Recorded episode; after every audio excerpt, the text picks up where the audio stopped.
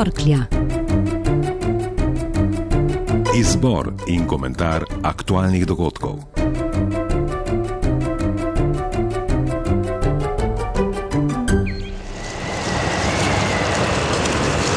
Glavno vlogo v nadaljevanki tega tedna sta odigrala burja in sneg. Na eni strani težave v prometu, ki so sive lase povzročile marsikateremu vozniku, še posebej poklicnim šoferjem tovornih vozil.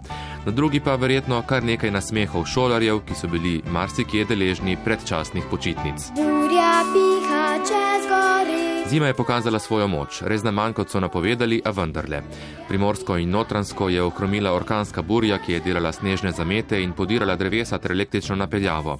Številni so zato ostali brez elektrike, kar je lahko tudi priložnost za drugačno druženje, seveda, če ni slabe volje.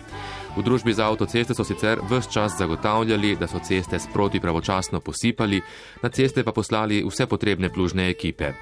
Vozniki kljub temu niso bili zadovoljni. Zaradi vremenskih razmer in prepovedi prometa so mnogi bili prisiljeni parkirati tovorna vozila. Na Ferniteših je bila kolona dolga tudi 20 km. Jaz sem prišel ob 3 zjutraj, ne? vedel sem za slovensko blokado, da bo začela ob 5 zjutraj, ne? ampak za italijansko blokado pa nič nismo vedeli. Ne? Pa sem šel naprej, pa ko sem prišel tu na mejo, samo so me obrnili nazaj, evo, zdaj smo sparkirani, pa še čakam. No? Pravijo neki vozniki, da moramo čakati dva dni, ne? Italijan pravi dva, dve giorni, ja, ne? ne vem, res ne vem. Franci sneži dosti bolj kot tukaj in je cesta kot prna sulja mesta, ki pada dež. Namestnik poveljnika civilne zaščite v postojni Klemen Gril pa je takole opisal težave, s katerimi so se soočali. Občane smo večkrat pozvali, naj ostanejo doma, naj ne hodijo, če res ni nujno potrebno uh, na pot.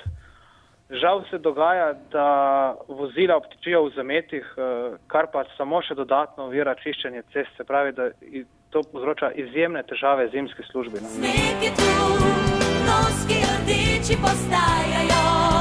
Kar je za nekoga nujno, je za drugega povsem nepomembno.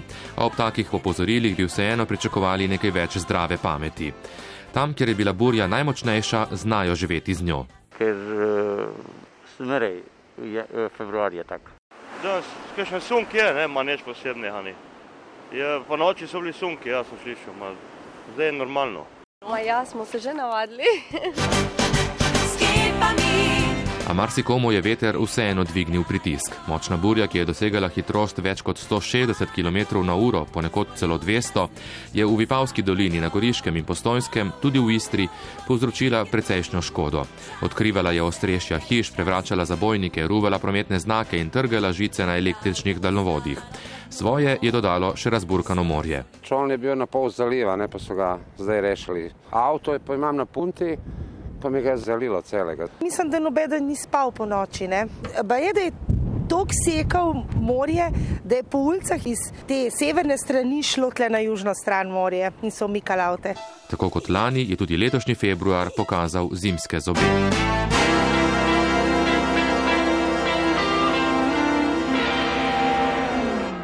Zobe so pokazale tudi medicinske sestre povsod po državi, najbolj pa tiste v Ljubljanskem kliničnem centru, kjer jim je dobesedno prekipelo.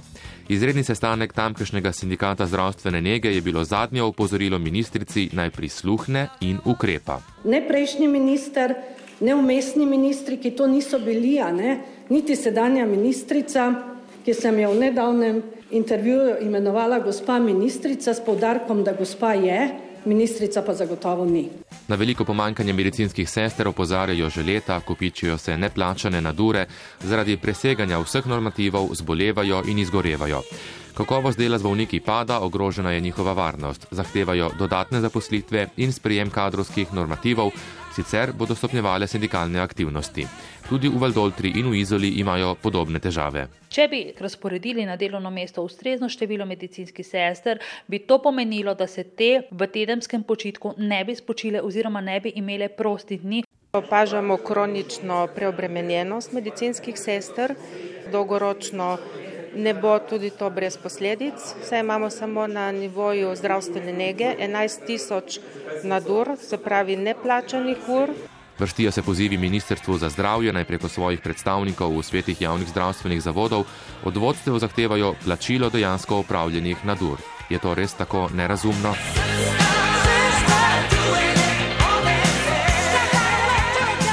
Še ena zdravstvena zgodba te dni polni medije. Vse zanima, ali je Igor Bavčar res tako bolan, da ne more na prestajanje kazni, na katero je bil pred časom pravnomočno obsojen.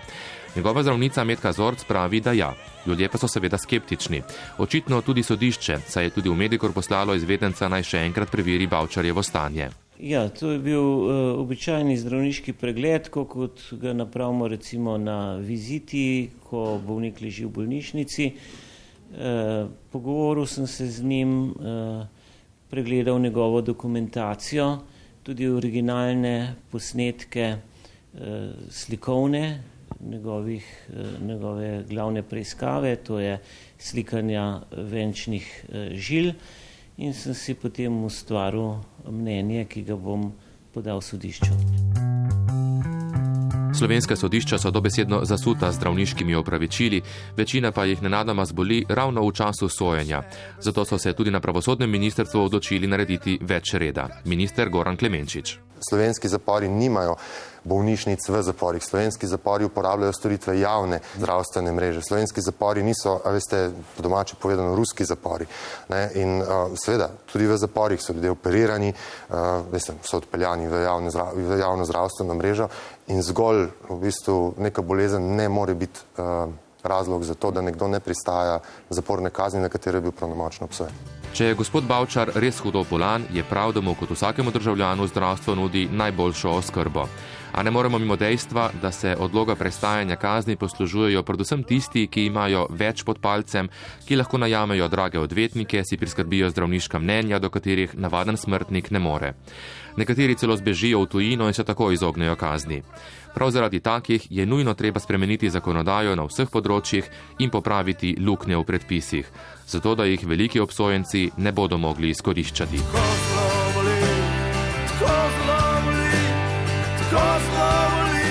Še eno sodno odločitev pričakujejo v Kopru. Župan Boris Popovič je bil ta teden na višjem sodišču, ki obravnava pritožbe na prvostopensko sodbo, s katero je bil obsojen na zaporno kazen in prepoved opravljanja funkcije. Pritožila se je obramba, ki poskuša z vsemi pravnimi sredstvi. Po tehnem premisleku smo se odločili zaradi zaščite pravic naše stranke, da bomo predlagali izločitev, izločitev dveh sodnikov in eh, predlog eh, za prenos krajevne pristojnosti. Neuspešno. Pritožilo se je tudi tožilstvo, ki za koperskega župana in druge zahteva še više kazni, kot jih je izrekla sodnica na prvi stopni. Več milijonsko oškodovanje premoženja mestne občine Koper. Prodajala se je daleč največja nepremičnina na obali. Posledice bojo dolgotrajne. Za me ni dvoma o krivdi. Usoda župana in njegovih sodelavcev je zdaj v rokah sodišča. Kdo jih je bolj prepričal, bo verjetno znano v nekaj mesecih.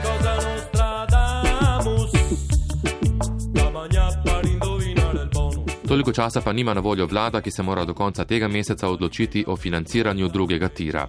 Do takrat imamo namreč čas za prijavo na evropska sredstva. Premijer Miro Cerar je sicer ta teden dejal, da v vladi intenzivno razpravljajo o finančni konstrukciji tega megaprojekta in bodo poskušali ujeti rok za prijavo, saj se ne želijo zanašati na razpis prihodnje leto. Prometni minister do zdaj ni pokazal take odločnosti. Malo ja, malo ne, ne vem, mogoče bomo videli. Kritike pristojnemu ministru prihajajo tako iz različnih koncev.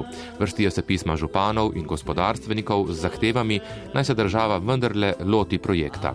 Direktor Primorske gospodarske zbornice Tomaž Može. Ker smo ugotovili, da se stvari v centrih odločanja meglijo ali pa da ni prave klime, da se o tem v teh dneh odloča, da mogoče to se bo dalo na stranski tir, da ne bomo mogli koristiti tudi evropskih sredstev, ki so sedaj na razpolago smo v regiji zaznali ta problem in z tem pismom opozorili predsednika vlade, da naj ne odlaša. Samo da nas pregovorno slovensko cincanje na koncu ne bo stalo preveč. Kopru pa se še vedno govori o časovni kapsuli, ki so jo odkrili pred kratkim v zidu ene od hiš. Pismo o dogajanju v Kopru pred več kot stoletji je pomembno, ker je napisano v slovenščini in je hkrati zelo dragocen zgodovinski vir, nam je povedala direktorica Koprskega pokrajinskega muzeja Nada Čibej. Ja, ljudje so nekako našli način, eh, da zamrznejo del časa, ne, v katerem so živeli in so potem to shranili v škatle in nekje zazidali, zakopali, kakorkoli, dokaj znana tradicija v Ameriki, recimo, ne, ko so odkrivali tudi zakopane take časovne kapsule, ki so vsebovali pisma, denar. Dejansko je tako, ne, ljudje so se zavedali pomena pač ohranitve za, za namce, za svoje sorodnike kasneje skozi čas in tako dalje. Vede vedenje o svojem obstoju. Morda ste ali boste tudi vi v kak zid navarno spravili spomine, ki jih bodo prebirali prihodnji rodovi. Da bi šlo za lepe spomine. Avtor pisma, ki so ga odkrili v Kopru, je v njem zapisal. Mogoče, da bo vladala celo v resnici bratovska ljubezen med vsemi narodi na svetu, ko se bo našlo tole pismo v zidu. Bolje, da ne ve, kaj vse se nam danes dogaja.